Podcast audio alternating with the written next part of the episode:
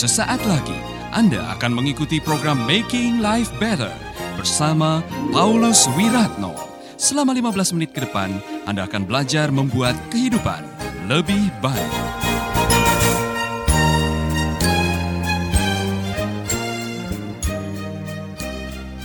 Yang pertama tadi apa? M yang pertama. Yang kedua,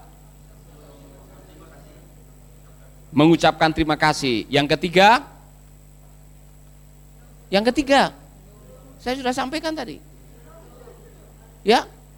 Oh, belum. Yang ketiga, ini yang penting sekali. Mengampuni. Manusia yang kau nikahi itu tidak sempurna. Pasti punya kekurangan, punya kelemahan. Dablek kadang-kadang. Iya kan? Iya kan? Jadi begini Bapak Ibu. Ide nikah itu adalah idenya Tuhan. Aturan pernikahan itu sempurna ditulis di dalam kitabnya Tuhan. Janji nikah yang saudara ucapkan juga sempurna, tapi bibir orang yang mengucapkan janji nikah tidak sempurna. Maka jangan pernah menuntut kesempurnaan. Tidak ada pernikahan yang sempurna, tapi banyak pernikahan yang bahagia, walaupun tidak sempurna. Satu-satunya pernikahan yang bahagia selama-lamanya itu hanya satu, pernikahannya Cinderella. Happily ever after. Hanya pernikahan di negeri dongeng. Makanya saudara-saudara, kalau menemukan kelemahan kekurangan, milikilah hati pengampunan. Pengampunan akan membereskan Anda. Saya berani jamin orang yang Anda nikahi pasti akan melukai saudara. Tidak peduli sudah kenal uh, Tuhan, sudah baca firman Tuhan katam 10 kali atau sudah menjadi pendeta atau siapa pun juga, yang namanya manusia masih bisa mengucapkan kata-kata yang melukai pasangannya. Mau apa? Gigi ganti gigi? Mata ganti mata? Sakit ganti menyakiti, tidak akan menyelesaikan. Saya mendengar banyak pernikahan yang bisa diselamatkan kalau mereka punya hati pengampunan. Mau mengampuni pasangannya. Amin. Mau mengampuni dia? Saudara-saudara, saya kasih tips buat saudara. Belajarlah mengampuni mumpung di dunia ini ada kesempatan mengampuni. Jangan sampai Anda mati dengan kepahitan apalagi kepahitan dengan pasanganmu sendiri, ya kan? Mengapa? Karena ternyata dunia ini adalah latihan untuk hidup bahagia. Latihan untuk hidup sukacita dan orang yang punya sukacita adalah orang yang membangun gudang pengampunan dalam hidupnya. Saya kasih awasan, kalau Anda tidak biasa sukacita di dunia dengan istrimu, dengan anakmu, dengan teman-temanmu, saya agak khawatir waktu Anda masuk surga nanti. Saya takut Anda tidak betah di sana. Serius, di surga hanya ada satu suasana, sukacita. Coba bayangkan, saudara tidak biasa bersuka cita di bumi, kemudian masuk surga, tiap hari kita menyembah Tuhan, tidak ada tangisan dan air mata. Lama-lama, saudara lihat wajahmu sendiri aja bosan. Kemudian saudara panggil malaikat dan mengatakan, Tuhan, adakah tempat alternatif? Ada sebelah, sebelah. Mau loncat sana, bersukacitalah. Nikmatilah istri yang kau nikahi dari masa mudamu. Caranya bagaimana? Jangan pernah menyimpan kepahitan dengan pasanganmu. Saya tidak segan-segan mengulangi lagi. Marah dengan pasangan, suami istri. Dengar bu, marah lima menit, sistem kekebalan tubuh macet 6 jam. Jadi ibu-ibu kalau marah dengan suami jangan sampai bau malam. Semua ibu-ibu mengatakan amin. Semua bapak-bapak bilang haleluya.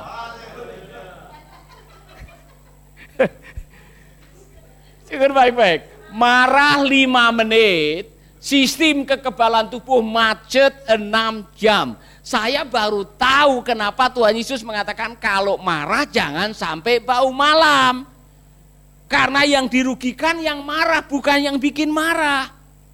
Nah kalau saudara minum racun serangga kemudian gojek yang membawa uh, saudara harapkan dia mati, yang minum racun serangga saudara, kemudian Gojek yang baru membawa racun serangga, yang datang menyerahkan sudah bilang mati kau sekarang. mati kau sekarang. Yang bawa bukan yang mati bukan yang bawa racunnya. Yang mati yang meminum racunnya. Jadi kalau saudara yang menyimpan kepahitan, yang rugi siapa? Yang menyimpan bukan yang bikin kepahitan. Gitu aja kok repot. Amin. Sekali lagi, saudara yang lain-lain pernah mendengar ini. Tolong dipilih ya. Anda digigit ular. Ada dua pilihan. Pergi ke dokter mengeluarkan racunnya, atau cari sabit kejar ularnya. Nanti dulu, siapa yang uh, pergi ke dokter keluarkan racunnya? Angkat tangan. Bijaksana, kata kitab Ayub bijaksana. Karena orang bodoh mati karena sakit hati. Siapa yang mau kejar ularnya sambil bawa sabit? Mana ularnya? Mana ularnya? Mana ularnya? Ada? Ibu Yeye. Ya. Apa kata Alkitab? ya sebelum ketemu ularnya racunnya sudah sampai di jantung mati duluan bodoh kata Alkitab bilang orang bodoh mati karena sakit hati Anda masih bersama Paulus Wiratno di Making Life Better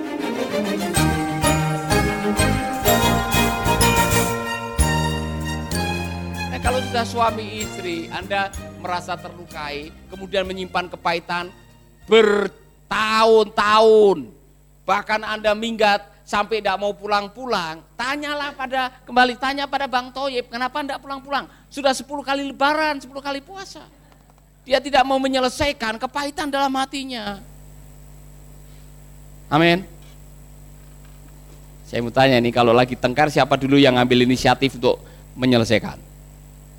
Maaf ya ma atau maaf ya apa siapa duluan?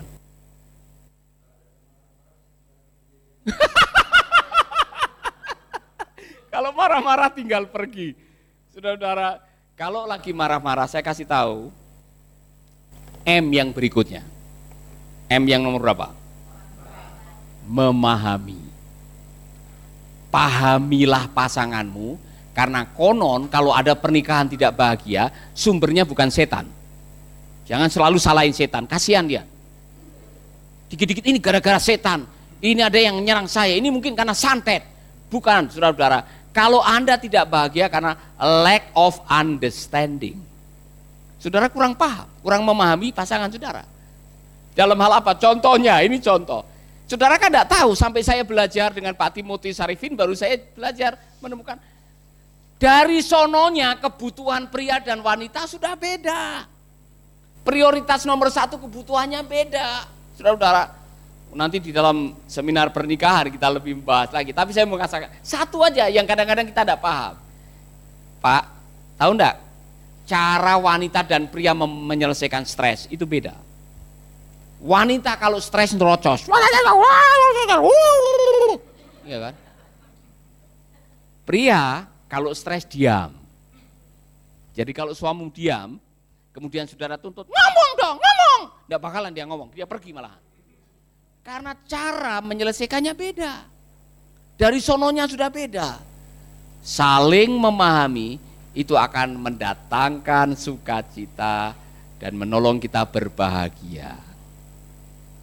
Amin. Terakhir, M yang terakhir, pasti suka memberi. Memberi.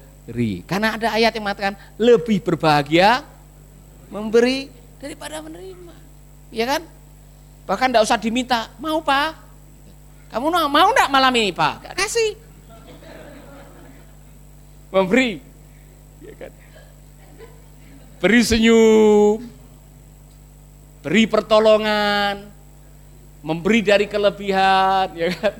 Beri. Belajar memberi. Saya harus mengatakan ini sebagai penutup. Kita semua mengatakan dan sepakat dengan apa yang saya mengatakan begini. Saya belum pernah melihat orang pelit bahagia. Kita ucapkan sama-sama. Satu, dua, tiga. Nah sekarang suami-suami tolong katakan begini. Saya belum pernah melihat suami pelit bahagia. Satu, dua, tiga.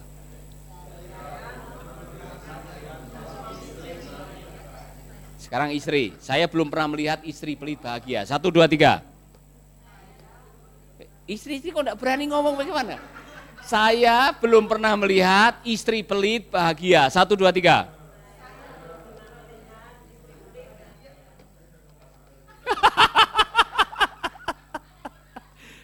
Eh istri-istri, belajarlah tidak pelit dengan suamimu. Kalau minta satu kasih dua. Kalau minta dua kasih tiga. Amin. Kadang-kadang kalau dia tidak minta kasih saja. Itu namanya apa orang kalau bahasa Jawa loman. Jadi orang generous, ya kan? Mengapa saudara-saudara saya mengatakan ini? Karena pada akhirnya itu benar. Hidup ini adalah untuk berbagi. Maka dalam kehidupan suami istri harus ada take and give. Harus ada belajar untuk memberi, menerima, menerima, memberi. Inilah kehidupan. Itulah itulah sebabnya Tuhan menciptakan manusia ini ada input, ada outputnya. Ada pintu masuk, ada pintu keluarnya. Kalau tiap hari kita hanya memasukkan, masuk, masuk, masuk, tidak dikeluarkan, mati saudara-saudara. Kalau kita diberkati, diberkati, diberkati, harus belajar memberi, memberi, memberi. Dalam kehidupan suami istri, kalau masing-masing mau memberkati, memberi, dan sebagainya, kita pasti akan diberkati. Amin Pak. Haleluya. Sahabat, Anda baru saja mendengarkan Making Life Better bersama Paulus Wiratno.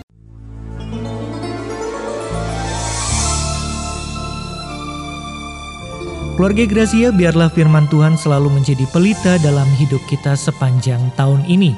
Dengarkan selalu radio Suara Gracia di 95,9 FM, streaming di suaragratiafm.com/streaming atau dengan aplikasi Android Radio Suara Gratia yang tersedia di Play Store.